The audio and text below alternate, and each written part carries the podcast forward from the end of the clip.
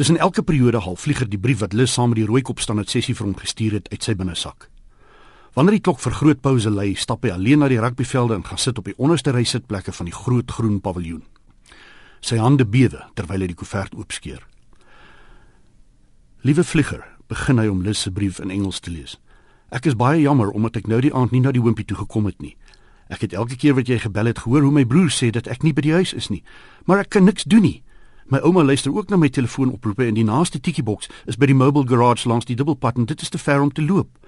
Hou asseblief op om te bel. Dit maak almal behalwe my ma net kwaader.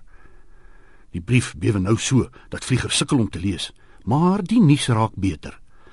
Daar is Vrydag aand 'n partytjie by Maggie de Vreitas se huis, Augustusstraat 45. Ek gaan soontoe.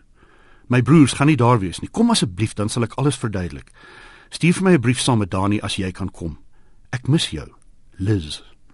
Vlieger lees die brief 5 maal na mekaar en elke keer wat hy dit herlees, word die gevoel om sy hart warmer. Dan vou hy dit toe en sit dit terug in sy kleerbaadjie se binnesak. Sy oë stoot vol trane. Hy is nie mooi seker hoekom nie. Hy kyk rond. Al kinders wat naby is, is Perd Smit en 'n paar ander skelmrokers langs die krieketnette. Hy vee met sy kleerbaadjie se mou oor sy oë en sê die brief terug in sy binnesak. Terwyl hy terug na die skoolgeboue stap, besluit hy dat hy 2 dae sal wag voordat hy Liz antwoord.